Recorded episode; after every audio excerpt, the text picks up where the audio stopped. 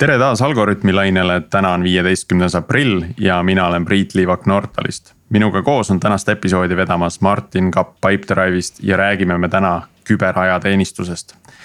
Tiit võttis seekord Algorütmi vaba päeva, kuid see-eest on meil kaks külalist. Tarmo Aia ja Raimond Lume. tere, härrased, olge head, tutvustage ennast meie kuulajatele mõne lausega, et mida te enne küberajateenistust tegite ja kuidas te programmeerimise juurde jõudsite alustame Tarmo sinust äkki. ja tänan, äh, tervist, mina olen siis Tarmo Aia. Äh, olen siis äh, major reservis, ehk siis alates kolmandast märtsist ei ole enam kaitseväelane aga sinnamaani siis peaaegu kakskümmend teenist-, vabandust, siis kakskümmend aastat siis kaitseväeteenistust. teeninud väga erinevatel ametikohtadel, selle saate skoopi see pikk jada ei, ei mahu, aga ütleme siis eh, viimased kümme aastat oma teenistusest olen siis vähemal või rohkemal määral siis tegelenud siis küberajateenijatega. ja kõige rohkem siis tegelenud siis küberajateenistuse insener-tehnilise haru ülesehitamisega Eestis. ja minu siis nii-öelda ütleme, üks põhi, põhilisi tööülesandeid äh, ongi olnud see et alguses see ei olnud nii nii-öelda tõsine, et see oli selline kuidagi hobi korras, aga viimased viis aastat oleme seda siis päris tõsiselt teinud ja alates siis kolmandast märtsist äh, töötan siis erasektoris, täpsemalt siis äh, Microsoftis ja olen siis seal äh, program manager. tervist ka minu poolt, et mina olen Raimond Lume, auasmalt siis noorem seersant. ja mina olen hetkel küberajateenistuses, et astusin siia siis eelmise aasta juulikuus. ja nüüd on nii-öelda kaks kuud natuke vähem minna. kuni siis reservini. ja võib-olla taustast nii palju, et tulingi siia värskelt pärast ülikooli lõppu, et lõpetasin TTÜ-s äh, IT-süsteemide arendusõppekava. ja enne seda ka siis äh, peaaegu kaks aastat töötasin CGI Eestis äh, full stack arendajana. et see minu noh, natuke lühem kui härra Majoril, aga mingi taust ikka nii, aga kui me nüüd lähme selle teema juurde, et äkki te alustategi sellest, et mis asi see küberajateenistus siis on, et kuidas, kuidas te ise seda me, me oleme tavaliselt küsinud siin sellist vanaema selgitust, et kuidas te vanaemale seletate, et mis asi see küberajateenistus on? ma ilmselt äh, pean seda ise alustama, et äh, ütleme, vanus ja auastel sonnivad et aga ma loodan, et Raimond annab kohe sellise äh, maalähedasema ja sellise sõdurivaate kohe, kohe siia juurde. aga küberajateenistus on siis ajateenistus tegelikult, täiesti ametlik ajateenistus on meil teatavasti siis äh, kaitseväe kohustus, eks, mis on siis äh, riigi poolt ette nähtud äh, vastavalt siis vanuses ja eas olevatele Eesti noortele. ja küberajateenistus on siis ajateenistuse nii-öelda eriliik, kus siis on võimalik kaitseväeteenistuskohustust täita põhiliselt siis kasutades oma siis erinevaid siis küberoskusi ja küberajateenistus tegelikult on väga-väga lai, nagu ka mõiste küber. no eh, ma ei tea, kuidas teil on, aga mina olen nii vana inimene, et küberneetiline karu näiteks on esimene mõiste, mis minul küberiga seostub, eks ole, ja aatomik ja, ja muud toredad asjad. et noh, tänapäeval noortel võib-olla enam see, see seos sama ei ole, aga, aga no ühesõnaga, see tegelikult näitab juba oma olemuselt, et kui, kui mõiste see või mis asi see küber üldse on ja kaitseväe kontekstis siis küber ja küberajateenistus äh, kitsamalt äh, käsitleb siis insenere, kes siis tegelevad arendusega, insenere, kes siis tegelevad riistvaraga kasutaja tugi on hästi suur eriala, millega siis küberajateenijad tegelevad ja loomulikult ka siis meedia ja kommunikatsioon, ehk siis ka sinna on siis küberajateenistuse saabunud noored siis oodatud ja tegelikult ka siis vana klassikaline nii-öelda side, sidekomponent, siderelvaliik, milles siis tegelikult äh, küberväejuhatus mm, siis äh, äh, kes loodi siis kaks aastat tagasi, ka siis nii-öelda alguse sai. ehk siis küber ei ole kaitseväes olnud küberina nagu väga kaua, aga ta nüüd koondab siis kokku erinevate siis raadio, IT, tehnoloogia, kommunikatsioon ja kogu selle valdkonna. ja küberajateenistus on siis nii-öelda see kohustuslik osa, mida siis kaitsevägi pakub noortele. kas see siis tähendab, et see vana hea rulliga metsa all jooksmine on ikkagi veel kuskil alles või, või see ei kao mitte kuhugile see, see peab jääma, seepärast et äh, kui elektromagnetspekter maha surutakse, mis me siis teeme ja pealegi valguskaabli kiirust ei ole siiamaani minu teada ületatud äh, mitte ühegi raadiotehnilise vidinaga.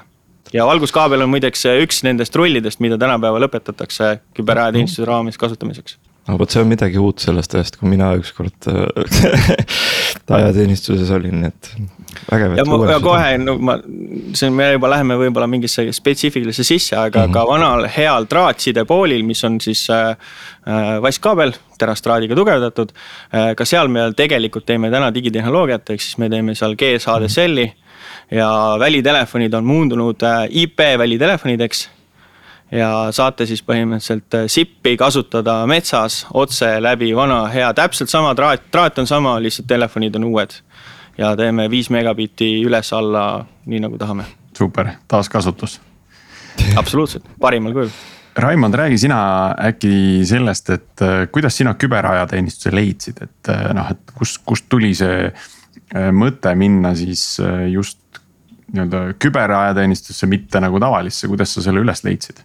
Kui ma nüüd õigesti mäletan, siis oli mul vist ülikooli esimene või teine aasta, kui mulle jäi silma nihuke üritus nagu K48 häkaton, mis oligi siis tollase nii-öelda küberajateenijate seltskonna poolt korraldatud. ja ise olin siis nii-öelda TTÜ ühe üliõpilasorganisatsiooni poolt nii-öelda ka aitasin seda korraldada. ja siis seal äh, sattusingi tol hetkel kapten Tarmo Aiaga rääkima, et äh, ka mul on plaanis nii-öelda küberajateenistusse tulla. Äh, või noh, on vaja läbida see ajateenistus üldiselt ja siis, kuna ma nii-öelda olin arendaja taustaga, siis tundus nihuke ideaalne koht, kus oma ajateenistus veeta.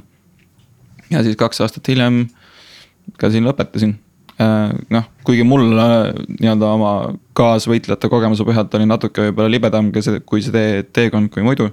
sest äh, noh, sellest veel liialt palju ei teata, et väga palju oli neid, kes tulidki ka siia kohale, alles siis said teada, et okei okay,, siin on mingi nihuke küberajateenistuse sarnane asi ka olemas. aga jah, mina nii siia sattusin ja kui sa nüüd äh, küberajateenistusse astusid, et mis, mis sind ees ootas? Äh, esimesed nii-öelda seitse nädalat on ikka nii nagu kõigil teistel, et äh, on siis sõduri baaskoolitus või kursus täpsemini.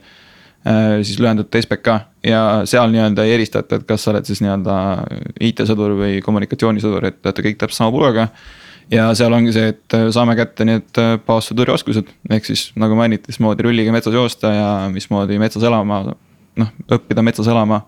mismoodi katelokiga süüa teha ja rivis kõndida ja kõike muud seda taolist, et äh, esimesed seitse nädalat on see. ja siis sealt edasi äh, osad siis lähevad otse äh, nii-öelda siia meie nii-öelda IT, IT-keskusesse ja osad meist läksid siis NAK-i, mis on siis noorem allohvitseri kursus, kuhu siis läksin ka mina. ja siis sealt lõpuks tagasi teistega kokku. nii, ja kui nüüd see esimene periood läbi sai, kas siis muutus kõik? võiks öelda küll jah, et nii-öelda keskkonnavahetus oli ikka suhteliselt kardinaal, et kui ennem on nihuke klassikaline jalavägi.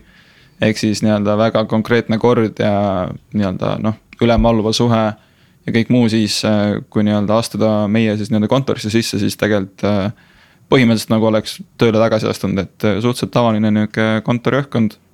kuigi asjad, mida me teeme, on natuke teistsugused, aga nii-öelda võrreldes tavalise jalaväega on ikka täiesti teine asi. kas te metsas ikka käite veel? Ütleme nii, et ka koroona pole ka meid nii-öelda mõjutamata jätnud, ehk siis üritame käia. Äh, meil varsti on ka tulemas nihuke eksperimentaalne metsalaager, kus me paneme kontori kaheks nädalaks metsa püsti. Äh, et see on nüüd tulemas, aga muidu jaa, ikka käime, et äh, meil nii-öelda kohustuslikud ajateenija väljaõppe osad, ehk siis mingid lasketestid ja kõik need, et need on vaja ikkagi ära teha ja metsas käime ka. et sellest nii-öelda puudust ei ole selline kaasaskantav metsalaagri kontor võiks täitsa tootena olla kuskil olemas, et ma arvan, praegu oleks turgu küll, et äh, ilmad soojaks lähevad, siis tahaks teisedki metsa minna kontorit pidama. nii, aga sinul oli äh, varasem taust äh, all nii-öelda programmeerimisoskuse poolest, kas see on kuidagi nagu eeldus või oskus või, või, või eeldus jah, eeldus või vajadus. et, et küberajateenistusse astuda, et sa oskad programmeerida juba või on, oled kogenud programmeerija just, et kui nüüd vaadata natuke täpsemalt seda nii-öelda arendus nii-öelda meeskonda, kus mina olen. siis sinna küll jah, et eh, kuna tegelikult eh, tegeleme ikka suhteliselt nii-öelda kõrgel tasemel nii-öelda tarkvaraarendusega, noh sarnaselt tsiviilsektorile, siis. nii-öelda nullist sinna tulla väga ei saa. ehk siis me nii-öelda oma praeguse nii-öelda kutse pealt vaadates, siis tegelikult meil ütleks nii-öelda umbkaudselt eh, kaks kolmandikku on kas siis kõrgharitud äh, nii-öelda IT-haridusega või siis just lõpetamas, kirjutamas lõputööd. ja siis ülejäänud kolmandik on siis tulnud otse gümnaasiumist või siis kutseharidusest, aga ka neil on nii-öelda suhteliselt korralik taust, et kas on siis nii-öelda olümpiaadidel silma jäänud või muu osas nii-öelda ise väga palju juurde õppinud Äh, meil on jah see eripära, et äh, meil see ajateenistuse pikkus on limiteeritud ning äh, sealt siis omakorda päris mitu sellist ähm, ajalist segmenti on kohustuslikku programmi juba nagu ette pandud, et kas mainitud SBK või siis laskekursused ja nii edasi ja kui me vaatame, palju seda aega nagu järgi jääb, et siis äh, noh, meil ei ole aega lihtsalt, väga tore oleks, et me saaksime tõesti pakkuda absoluutselt kõikidele noortele, kes tahavad sellist võimalust, aga. aga kahjuks siin noored peavad tegema ise oma eelnevas elus valikud. ja kui neid tehnoloogia on huvitanud, nad on juba ise tegelenud erinevate projektide häkkimiste ja muude asjadega. siis äh, nüüd on see koht, kus nad saavad seda süvendatult teha siis aga militaartehnoloogias ega see just, et kui me võtame tavafirmaga võrreldes, et alati uuel arendajal on mingi sihuke onboard imis või sissekohanemise aeg, et. et, et kuidas, kuidas see nagu käib, et, et tegelikult. eriti sellise suure turnaround'i juures, et. jah, jah, et, et inimesed käivad ju päris kiiresti läbi, et, et selle jaoks on ka mingisugune salajane militaartehnoloogia, eks ole, ei tea midagi, et paneks juhtmed külge ja turnover, kusjuures hiljuti arutasime, et meil ongi, et meil äh, hetkel veel on enamus ikkagi nii-öelda personalist nii-öelda on ajateenijad, ehk siis meil on kuskil seal üheksakümne protsendi raames. ehk siis nii-öelda onboarding ja offboarding ja kogu see protsess, et see on samasugune katsumus, nagu ma eeldan, et tsiviilsektoris ka nagu suure turnaround'iga, Uberiga firmadel äh, aga jah, ikka samamoodi üritame sellega hakkama saada nagu ka tsiviilis, et äh, korralikud niuksed protsessid, hea dokumentatsioon automaattestid, et äh, mismoodi hoida seda kvaliteeti, isegi kui nii-öelda on nii-öelda paratamatult see turnover väga kõrge. et jah, midagi nagu militaar äh, nii-öelda eripära seal ei ole, et äh, kõik käib ikka nagu noh, nagu muidu. pigem ongi see, et oleme kasutanud nagu nii-öelda ära proovitud äh, protsesse ja tehnoloogiaid. et noh, aga samas nagu me ei kapseldu mitte ühegi konkreetse nii-öelda siis äh, variandi külge. et noh, näiteks äh, Scrumi me kasutame, aga tegelikult pigem siis elemente, et mitte see, et, et, et peab olema, kuna Scrumis on nii kirjas, et siis me teeme absoluutselt kõik koosolekud ja mingeid muid asju. ei, pigem mitte ja samamoodigi see, sest kõikidel nende onboard imiste, offboard imiste juures ongi see, et, et äh, väga palju oleneb inimeste nagu motivatsioonist. ja noh, meil on ikkagi, ma ütlen, et meil on vabatahtlik üksus. inimesed, kes meile tulevad, on motiveeritud. ehk siis ja motiveeritud inimeste nii-öelda onboard imine on, ütleme, ta on, ta on lihtsam kui mittemotiveeritud inimeste onboard imine. kui suur see ähm,, kui suur see kontekst on üldse või kui suur see ähm, kogu süsteemide hulk on või see info hulk, mida siis vaja onboard imisel omandada on, et. et kas, kui uus inimene liitub, talle antakse nii-öelda üks mikroteenus ette ja, ja ta, ta muud pilti ei teagi. või talle ikkagi tehakse terve päev sellist koolituse moodi sissejuhatust, et et mis süsteemid siin üldse on ja milline on laiem arhitektuuri pilt ja milliseid põhimõtteid te üritate järgida ja kõik, kõik muu taoline? Äh, võib-olla mitte isegi päevaid, sellega on läinud isegi terve nädalaid, et äh, kuna meil seda nii-öelda infot, äh, mida jagada, on palju. et see lisaks ka nii-öelda tavalistele protsessidele, ehk siis ma ei tea, domeenikontode loomine ja arvutite väljajagamine, et siis on ka nii-öelda väga palju. vaja juurde rääkida võib-olla ka seda nii-öelda sõjalist tausta just selles nii-öelda ohvitseri tasemel võib-olla et kus me nagu väga tihti ka tegutseme ja ajateenijatel nagu seda õpet SBK-st ei tule. et siis on ka natuke seal vaja järgi, no järgiaitamist teha, et neid äh, teadmisi oleks, pluss siis äh, ka nii-öelda noh, samamoodi nagu sa mainisid, et äh, mis arhitektuuri me jälgime, miks me seda teeme ja ka arendusprotsessid. ehk siis os nagu mainisin, et meil kolmandik ikkagi on gümnaasiumist ja ka ülikoolist on inimesi, kes pole nii-öelda noh, olnud suuremates arendusprotsessides sees et seal, et siis see tase ühtlustada on ka noh, on ka võib-olla natuke rohkem neid koolitusi kui võib-olla tavalises ettevõttes.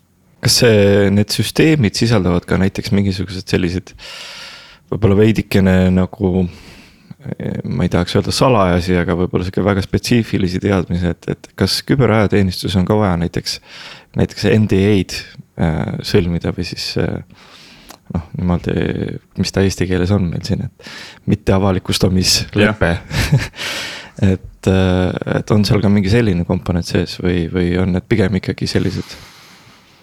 no ma vastaks sellele, mm, tegelikult on niimoodi, et äh, kaitseväes äh, astudes kaitseteenistusse ja ka sõdurid, äh, kuigi nad on ajateenistus, on tegelikult kaitseväes tegevteenistuses sel hetkel. et tegevteenistuses olles kehtivad teile siis asutuse siis teabe käitlusnõuded. mis tähendab seda, et absoluutselt kogu teave, mida ei ole öeldud, et see ei ole see teave, on asutuse siseseks kasutamiseks niikuinii lisaks mm -hmm. sellele siis riigisaladus võimaldab klassifitseerida veel igasuguste piiratute konfidentsiaalsuste ja muude piltidega ja lisaks meil on veel EU saladused ja NATO, NATO tasemed, eks ole, et kui meil on mingisugused NATO partnerite lähtekoodid, siis need on näiteks, meil on üks projekt, mis on NATO restricted ja nii edasi nii et selles mõttes, et äh, neid erinevaid piiranguid on ja nüüd ongi see, et äh, olles nii-öelda selles organisatsioonis sees, on teil automaatselt kõiki neid piiranguid äh, kohustus jälgida ja need piirangud, kui te lähete, noh, noor läheb ära, Raimond läheb ära, eks ole, ega need piirangud ta ju riigi kodanikuks jääb edasi, eks. et need piirangud tegelikult äh, jäävad talle tsiviilis kaasa, et neid ei pea me eraldi sõlmima tänu sellele, et me oleme kaitseväes aga muidu jah, et äh, loomulikult, et äh, muus osas nagu kõik peaks olema, noh eraettevõtetega me teemegi NDA-d, kes tahavad meiega nii-öelda partner, partnerlust soovida Raimond, milline on sinu jaoks olnud võib-olla selline kõige huvitavam projekti kogemus Äh, selle perioodi vältel, et äh, mis, mis sind nagu nii, nii-öelda üllatas, et sa hakkasid tegema ja mõtlesid, oh, seda on tõesti äge teha, et, et ei uskunudki, et äh, sul selline võimalus avaneb seal äh,? Neid on mitu, et osati on nagu asjad, mida me teeme ja teised on see, et kuidas me seda teeme. et võib-olla ongi see teine aspekt on mulle just nagu rohkem meeldinud, et ongi, et võib-olla erinevalt nii-öelda tavalisest tarkvaraettevõttest, siis meie oleme siin nii-öelda kõik ninapidi koos ja meie nii-öelda siis, kui kell saab viis, siis me ei lähe mitte koju, vaid me elame ikkagi edasi siin nii-öelda ninapidi koos. ja ongi, et nihuke väga huvitav dünaamika on tekkinud, kus sul ongi, et su töökaaslased on need inimesed, kellega sa magad ühes toas ja sööd kogu aeg samal ajal koos, et see nihuke. professionaalne filter võib-olla, mis suhtluses on, et see on nagu, seda ei ole et see on nagu noh, omamoodi hea ja halb asi ka, et see on nihuke väga huvitav on koos töötada nii-öelda inimestega äh, kes osad võib-olla ütlevad natuke julgemalt asju kui muidu ja samas on ka neile võimalik nii-öelda otse asju öelda, kui midagi ei sobi. ja üldiselt, et noh, kõik on väga head tuttavad siin ja nii-öelda ma ütleks, et tänu sellele ka osad asjad sujuvad meil oluliselt nagu paremini kui võib-olla tavaettevõtetes.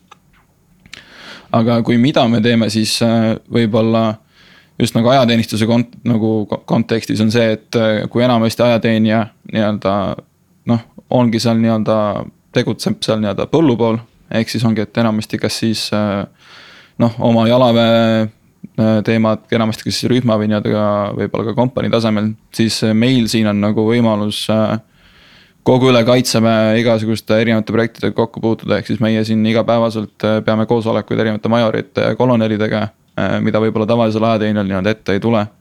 ja ka nii-öelda õppused, kus me osaleme, on ka oluliselt nii-öelda suuremad ja suurema mastaabiga kui nii-öelda võib-olla tavalisel ajateenijal. et äh, näha seda nii-öelda suurt pilti on nagu hästi hea kogemus olnud siiamaani no nüüd sa panid juba täitsa mitu huvitavat teemat minu jaoks lauale. võib-olla räägiks korra nendest rollidest ka, et. Äh, et kuna teil see tiim on väike, siis sa oled äh, ja, ja sa rääkisid erinevatest kohtumistest. erinevate kaitseväe inimestega, siis et et kuna teil see tiim on väike, siis sa oledki tegelikult kõikides rollides ju. et sa oled nii analüütik, testija, arendaja või, või on teil eraldi rollid, sa oled ka tooteomanik, ma saan aru, seal äh, selle tiimi liikmena. Või on teil äh, selle tiimi sees äh, mõningad rollid nii-öelda natuke rohkem määratletud ja suunatud? ikka on olemas, et me nagu nii-öelda kõike päris nagu ise ei tee, et kuna meil ongi just, et need nii-öelda tooted, mida me teeme, need äh, paljuski ongi suunatud võib-olla nii-öelda kõrgemate staabiohvitseride nii-öelda suunas. siis äh, meil puht nii-öelda kogemuse puuduse tõttu ei ole võib-olla endal neid nii-öelda domeeni teadmisi, mille põhjal neid asju teha. Ehk siis meil nii-öelda product owner'ite rollis tegelikult ongi äh, needsamad staabiohvitserid, kes neid nii-öelda analoogseid tooteid on kasutanud juba kümneid aastaid ja teavad täpselt, et mis seal vaja on. Nad ei ole või küll nii-öelda klassikalised product owner'id, kes on nii-öelda tiimi liikmed Äh, aga ikkagi, et nemad nii-öelda otsustavad, et. Äh, mis nii-öelda ticket'id järgmine sprint töösse tulevad ja, ja kõike muud tavalist product owner'i kohustusi. ja ka tiimide sees on meil nii-öelda analüütikut jah, meil eraldi pole, et seda me täidame küll ise, aga meil on küll nii-öelda Scrum master'id, team lead'id on olemas, et jah, neid rolle on et mitte küll võib-olla kõiki nii-öelda klassikalisi tarkvaraarendusmeeskonna rolle. aga noh, mingil määral oleme üritanud neid ikkagi seada endale. kas te, Tarmo siis võib-olla äkki see on siis rohkem sulle, et kas sa mingit laadi aimu saad vähemalt anda, et mis sorti projektidega üldse siis, siis seal kokkupuude on, et, et. noh, see ei pea spetsiifikasse minema, aga et mida näiteks oodata, et kui inimene tuleb sinna progema, eks ole, küberajateenistusse, et mis sorti tarkvara üldse teete? no tegelikult ega see eriline saladus ei ole, noh mitte sala-, eriline, see pole tegelikult üldse saladus, sest et tegelikult ka kaitseväe juhataja on äh, neid samu projekte erinevates faasides käsitlenud, et äh, et äh, ka ajakirjanduses võib-olla olete nagu näinud erinevaid märksõnasid. Nad on mõnikord küberajateenistusega seotud, mõnikord mitte, aga kindlasti on käinud läbi märksõna nimega Colt, mis on siis kaitseväe olukorra lahingteadlikkus, mille omakorda nii-öelda välismaine termin on äh, C2 BMS või C4 iStar, äh, mis iganes, oleneb seda, äh, see on sisuliselt on see siis mitte command and conquer nagu C2, eks ole, aga command and control Battlefield management system inglise keeles, ehk siis olukorra siis informatsiooni jaotuse ja ülevaate süsteem mis on siis komandöri või siis äh, juhi abitööriist, eks ole, et langetada parem otsus nii-öelda, et ühelt poolt siis äh, tehakse sulle olukorra pilti ja teiselt poolt antakse sulle tööriistad, kuidas oma käsku, käsud siis digitaalselt äh, ja efektiivselt edastada. ja meil on siis Eestis on selle nii-öelda toote üldnimi on siis Colt, milles tegelikult on siis sees väga palju nii-öelda siis mikroarhitektuurilisi alamtooteid. milles siis Raimond tegeleb ka seal päris mitme olulise osaga. ja tegelikult äh, meie sõsarprojekt on äh, Tooru. Äh, Toorus küll praegult ajateenijaid ei ole, Toorul on täiesti oma meeskond on olemas, aga Tooru põhimeeskond tegelikult koosneb siis Goldi endistest arendajatest. ja Tooru on siis Eesti siis digitaalne kaudtulejuhtimissüsteem.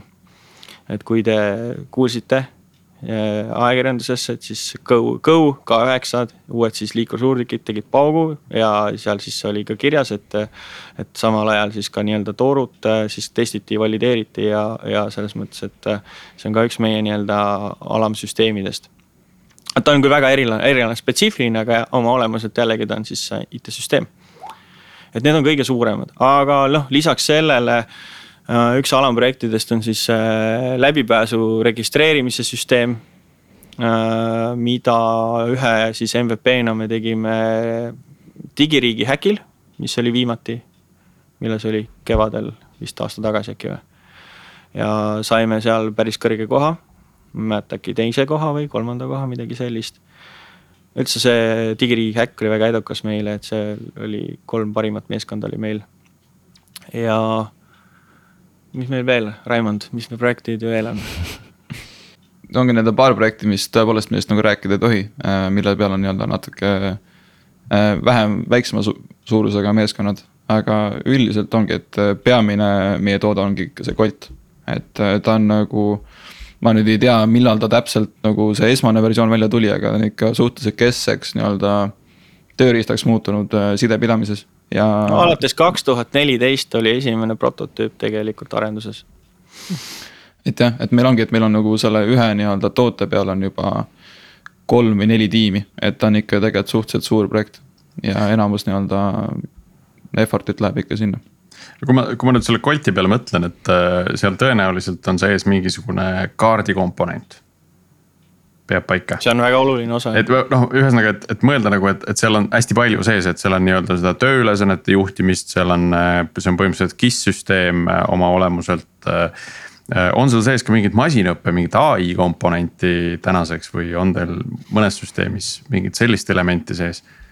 sellega tegeletakse, aga sellega tegeleb jällegi siis äh, eraldi projektimeeskond ja mis ajaskaalas nad täpselt tegelevad, siis tegelikult see, see on juba natukene tundlikum teema, nii et ma ei laskuks sellesse mm -hmm. kommenteerimisse, aga sellega no, tegeletakse et sina ei või välja öelda, mina võin, et, et ma usun, et, et Eesti kaitseväes on.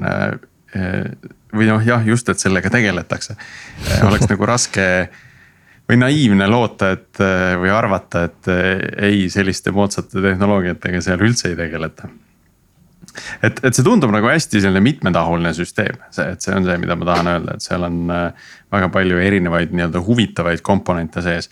Äh, milline see tehnoloogiline baas seal taga on, et kui, kui me vaatame seda on see selline monoliitne süsteem, äh, on seal mikroteenused, millised andmebaasid, palju seal üldse andmeid läbi käib, seda ma ka ei kujuta ette ma võib-olla selle tehnoloogiate poolest võin enda osa rääkida ja andmete läbikäidavuse osas äkki räägib Tarmo. ja me, siis, ja me ei pea äh, tegelikult üldse keskenduma sellele Coltile, et võib-olla võtame mm selle tehnoloogilise äh, platvormi laiemalt siis nagu üle erinevate süsteemide, et, et mm mis asjad need on, millega siis küberajateenistuses äh, kokku puututakse? üldjoones enamasti ikkagi kõige levinum tehnoloogiad, mis ka nagu tsiviilsektoris, et kuna meil inimesed, kes siia tulevad, tulevadki enamasti kas siis otse ülikoolist või siis nii-öelda äh, paariaastase töökogemusega, siis meil pole mõtet nii-öelda mingit väga nii-öelda spets tehnoloogiat kasutusele võtta, mida inimesed peaks hakkama nullist õppima. ehk siis ongi React, Java, äh, Rust on nii-öelda peamised märksõnad. ja siis nii-öelda infra poole pealt äh, MariaDB, äh, kõik Puppetid ja kõik nii-öelda muu, mis üldiselt kasutuses on. nii et üritame nii-öelda ikkagi ajaga kaasas käia ja ei ole ka päris legacy. et sellist automatiseerimise poolt peab ka vist nendes süsteemides päris palju sees olema, et, et jällegi toetada seda suurt liikuvust.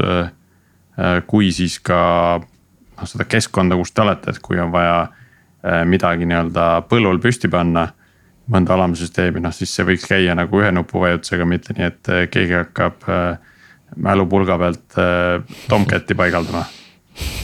ütleme, et ongi mõlemat, et jah, meil üldiselt jah, see kogu nii-öelda paigaldus on hetkel Puppetiga lahendatud kuigi tahame nüüd Solstacki peale liikuda varsti. aga nii-öelda on ka alati juhtusi, kus reaalselt üksus, kes on põllul, vajab kiiret uuendust ja tal ei ole lihtsalt internetiühendust, nii et mälupulk on ikkagi nii-öelda tarvilik tööriist mingil hetkel.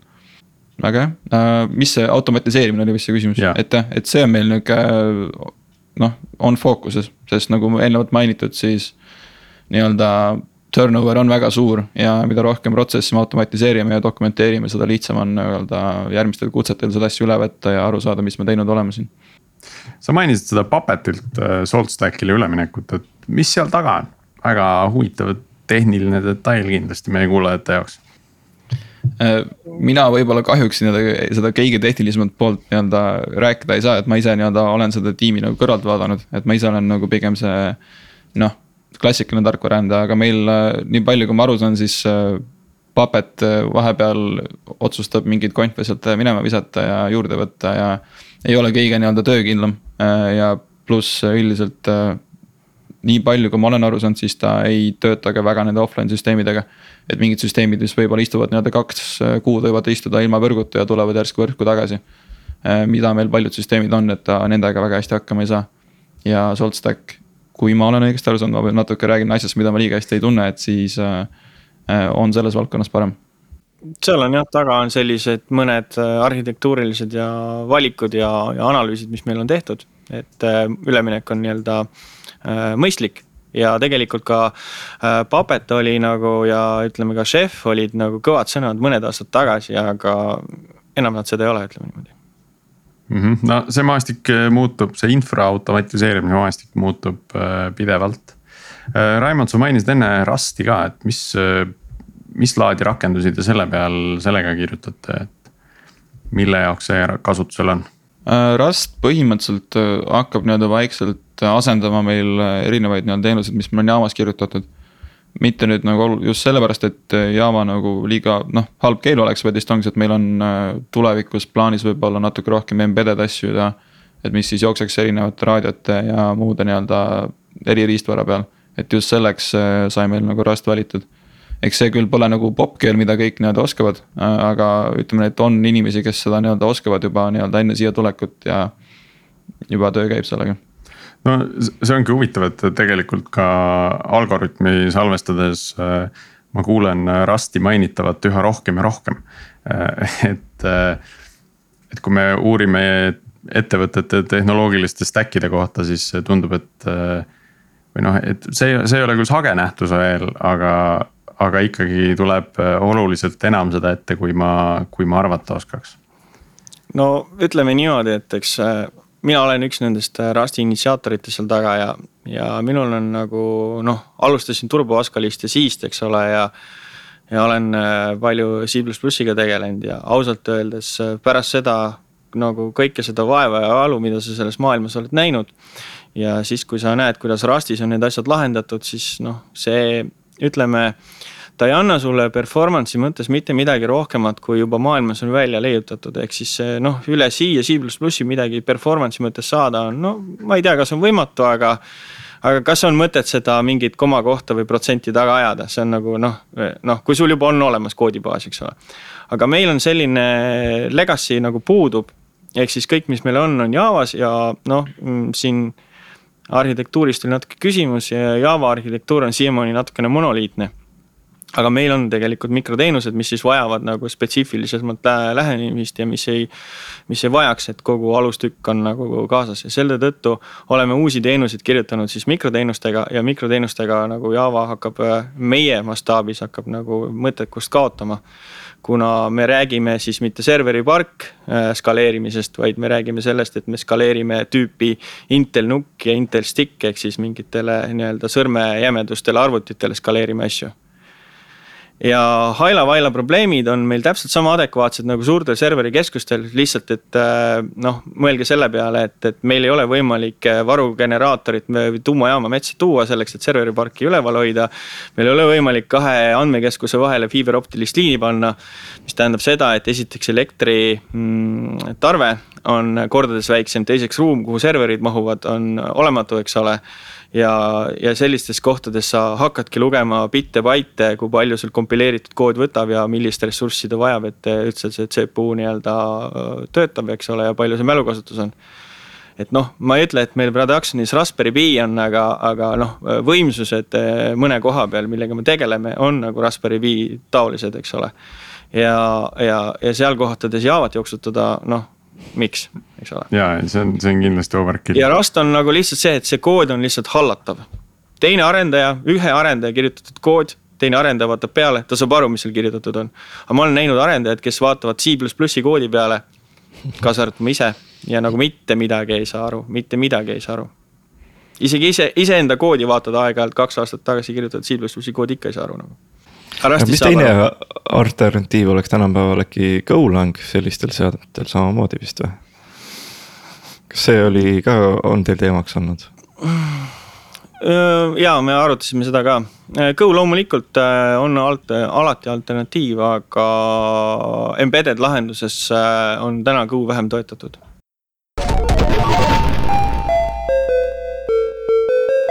me oleme nüüd rääkinud äh, Äh, palju back-end tehnoloogiatest, et äh, kas, kas nendel lahendustel üldse front'i ka on või. Äh, või, või seda, või seda ei tule üldse ette ja, ja mis, mis maailm, tehnoloogiline maailm seal siis rakendatud on, et. et nendel varasemalt mainitud suurtel süsteemidel kindlasti on front-end lahendus ka olemas. ja front'i poole pealt on meil ikka peamine tehnoloogia on React, et töötab hästi ja inimesed seda oskavad kirjutada ja oleme siiamaani nagu rahul sellega. et äh, vana legacy oli Angular JS-i peal, mis veel natuke on kasutuses, aga üritame ka seda nii-öelda välja juurutada. aga võib-olla üks nii-öelda huvitavam asi, mida rääkida, on see, et me nüüd hiljuti üritasime mikro front-end'ide peale üle liikuda.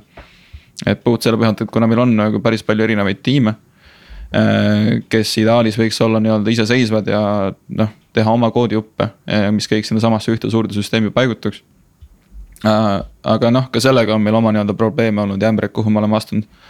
aga ma arvan, et tegelikult see on ikka väga huvitav teema, millest isegi nagu oma saade teha, et ma natuke võin rääkida nendest pitfall idest, kuhu me nagu jõudsime sellega. aga ütleme nii, et lõpuks ta ikkagi nii-öelda tasus ära ennast. alusta, alusta äkki sellest, et mismoodi äh, teie mikro front-end'e lahendasite üldse, et noh, sellel on. sellel sõnal on nii palju erinevaid tähendusi, et kas see on mm. monorepo, kus on siis väikesed komponendid, mis ehitatakse üheks tegelikult front-end'iks kokku. või need include itakse nii-öelda runtime'is mingisugune web components lähenemine, et, et siin taga on väga palju erinevaid viise, et kuidas. on sama küsimus, et seda oleks väga huvitav kuulata, sellepärast et. et äh, ka meil töö juures on nii-öelda tegu micro front-end idega ja et oleks, oleks väga tore kuulata teiste kogemust selles osas.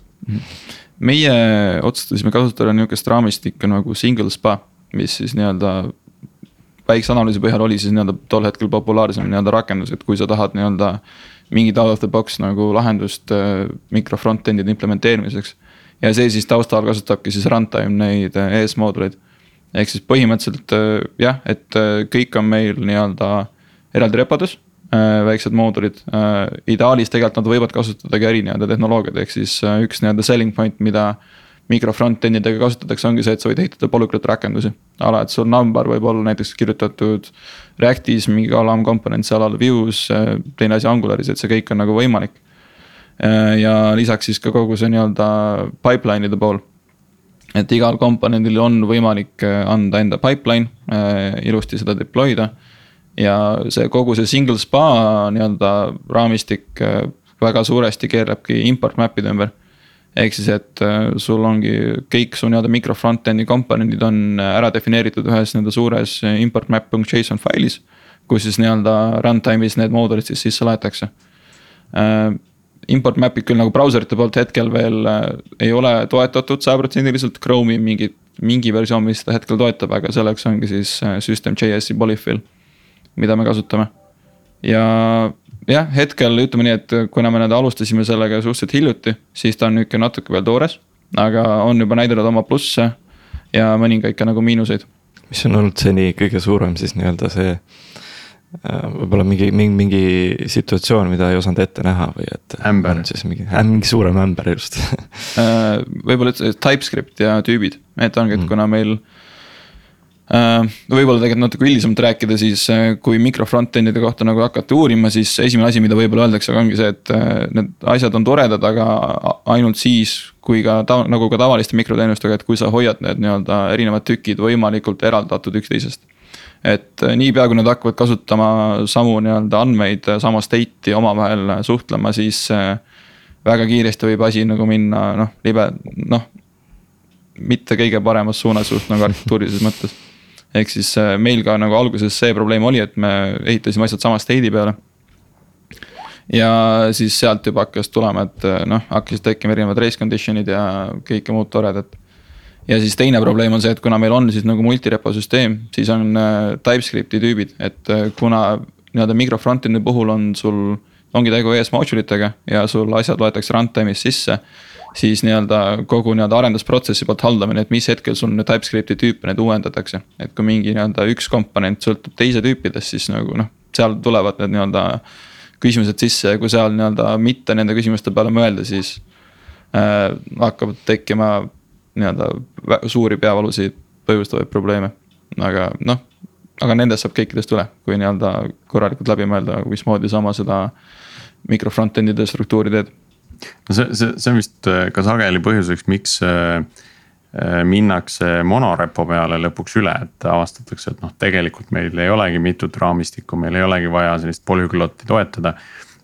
ja teeme siis monorepona, et saame ikkagi kõike nagu lahus hoida, eraldi siis kataloogi struktuuri järgi.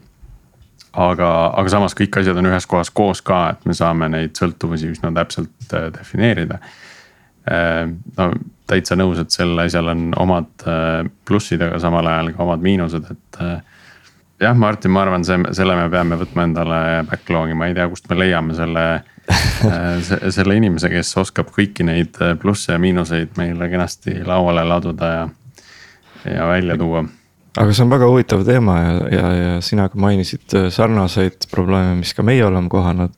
et nüüd on võib-olla siis ülesandeks leida veel kedagi, kes on teinud micro front-end'ist, ega see tegelikult väga nüüd tavaline pattern just ei ole, et. et, et selleks on ikkagi vaja natuke suuremat süsteemi, mis tundub, et teil vist on olemas ja, ja no üks, üks argument ka tegelikult, et miks me seda teed läksime, on see, et noh nagu ma alguses mainisin, meil on sõsarprojekt nagu Tooru, eks ole, noh. no klassikaline, noh kohe, et äh, teevad eraldi asju, eks ole, ja siis need ongi eraldi tükis, eks ole.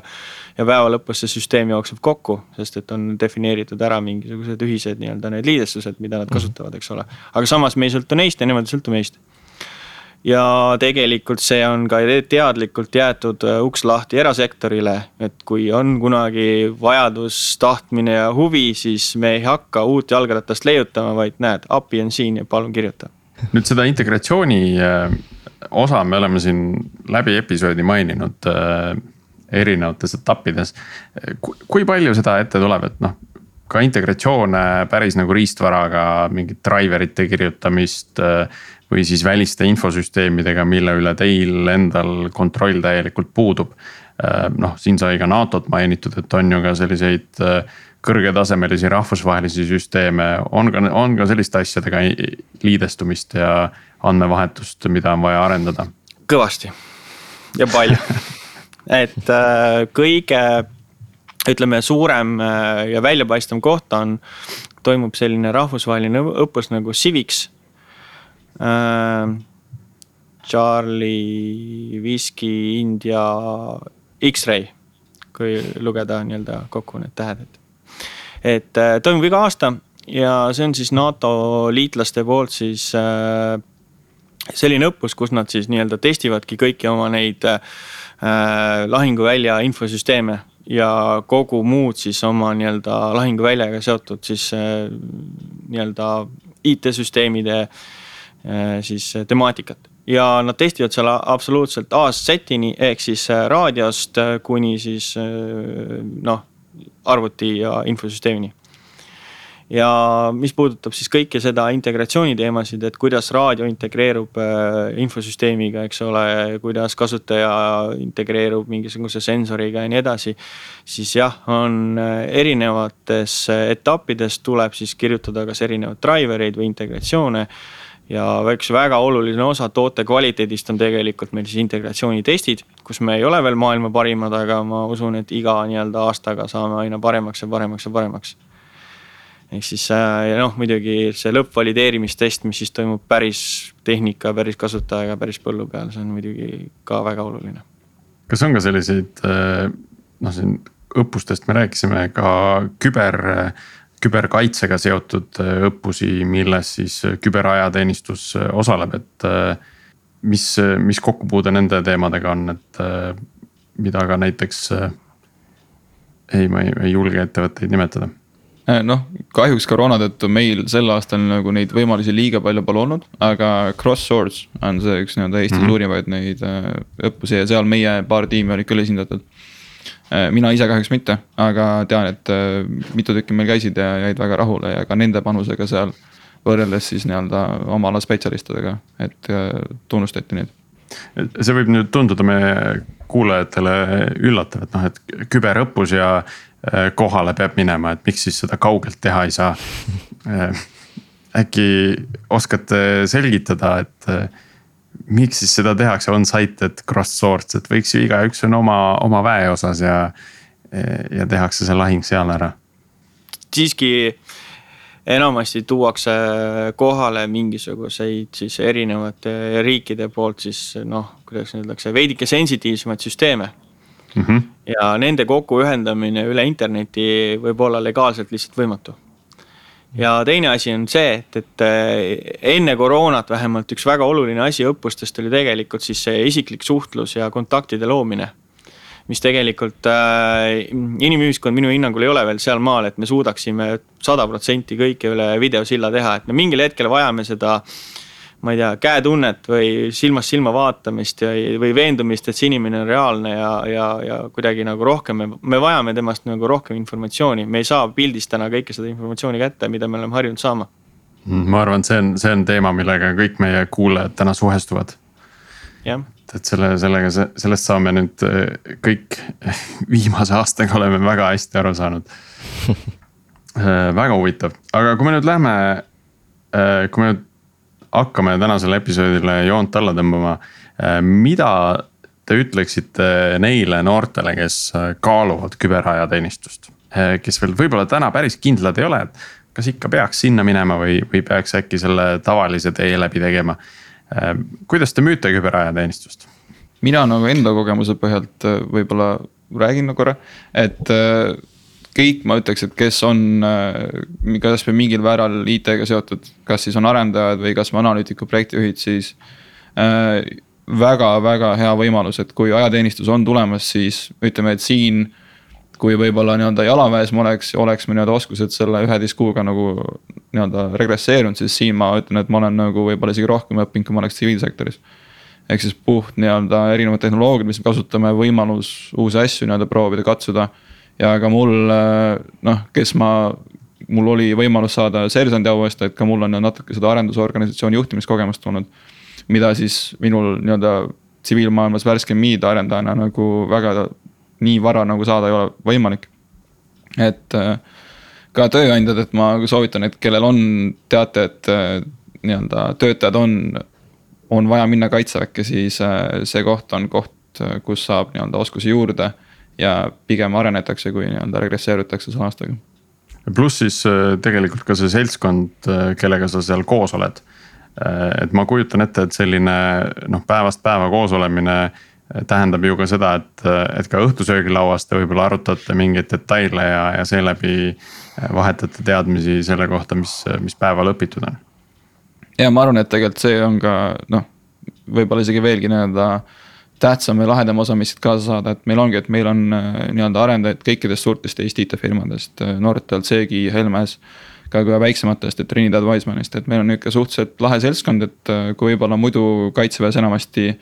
inimesed tulevad otse gümnaasiumist, siis meie seltskond on siin enamasti nagu kõrgharitud ja pärast nii-öelda, nii-öelda tööpäeva lõppu siin kõik tegelevad oma väikeste projektidega ja saame üksteist aidata ja noh, ongi inimesi, kes juhivad siin oma startup'e nii-öelda pärast kaitseväge, et see on nihuke väga nihuke huvitav seltskond ja.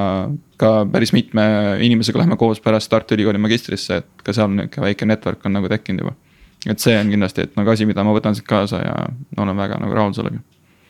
kas see küberajateenistuse üksus, on see Tallinnas või on seda ka kuskil mujal näiteks? Äh, hetkel paikneme jah, Tallinnas äh, kesklinnas, äh, küberväe juhatuse siis nii-öelda territooriumil, filtride kaksteist siinsamas bussijaama lähedal.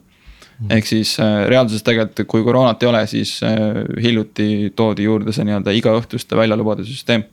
Et vanasti siis ajateenijad said siis võib-olla nädalavahetusel koju, ega siis nüüd on natuke nii-öelda tehtud seda tegevväelaste sarnasemaks, et äh, saab ka nii-öelda õhtul koju ja hommikul tagasi, nii et äh, ideaalmaailmas tegelikult ongi nagu tööpäev see, nii et. väljaspool siis sõduri kohustusi, metsalaagreid ja kõiki muid elemente, mida peab tegema mm,. just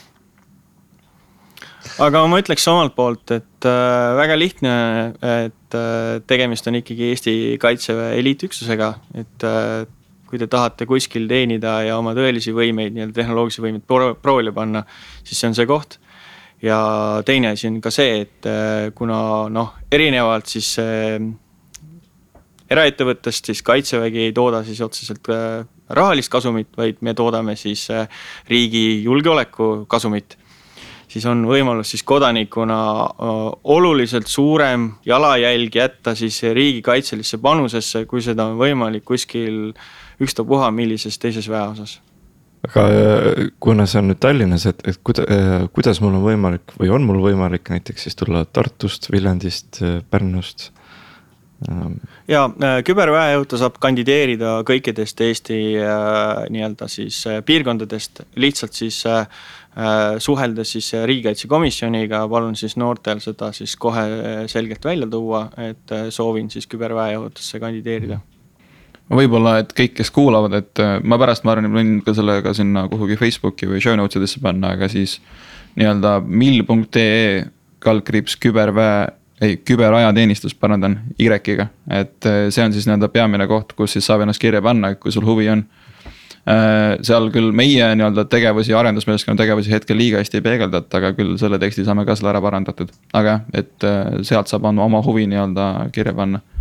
aga üldiselt jah, et äh, nii-öelda ongi see arstlik komisjon on peamine koht, et seal juba tegelikult enamasti on head töötajad, kui nähakse, et sul on nii-öelda IT-taust, siis sind enamasti ikkagi suunatakse siia.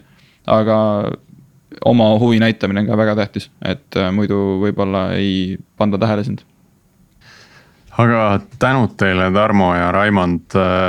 väga huvitav vestlus oli sellel teemal ja kindlasti said ka meie kuulajad targemaks, mina sain väga palju uut ja huvitavat teada küberajateenistuse kohta. ja mul on väga hea meel, et teie seal olete, sest tundub, et te teate asjast väga palju, nii, nii küberajateenistusest kui siis ka tehnoloogi-, tehnoloogiast laiemalt, et on, on hea näha, et sellised spetsialistid meie äh, siis kaitsvaid infosüsteeme edasi viivad. mina omalt poolt tänan kutsumast. ja täname ka meie kuulajaid, soovitame endiselt hakata meid jälgima erinevates kanalites, kaasa arvatud Facebookis sinna läheb ka tänane episood ülesse, seal saate kommenteerida ja edasi siis võib-olla täiendavaid küsimusi nii Raimondile kui Tarmole saata. võite ka saata meile uute episoodide ideid, külaliste soovitusi aadressile algorütm.geenius.ee. ja jääme kuulmiseni järgmisel nädalal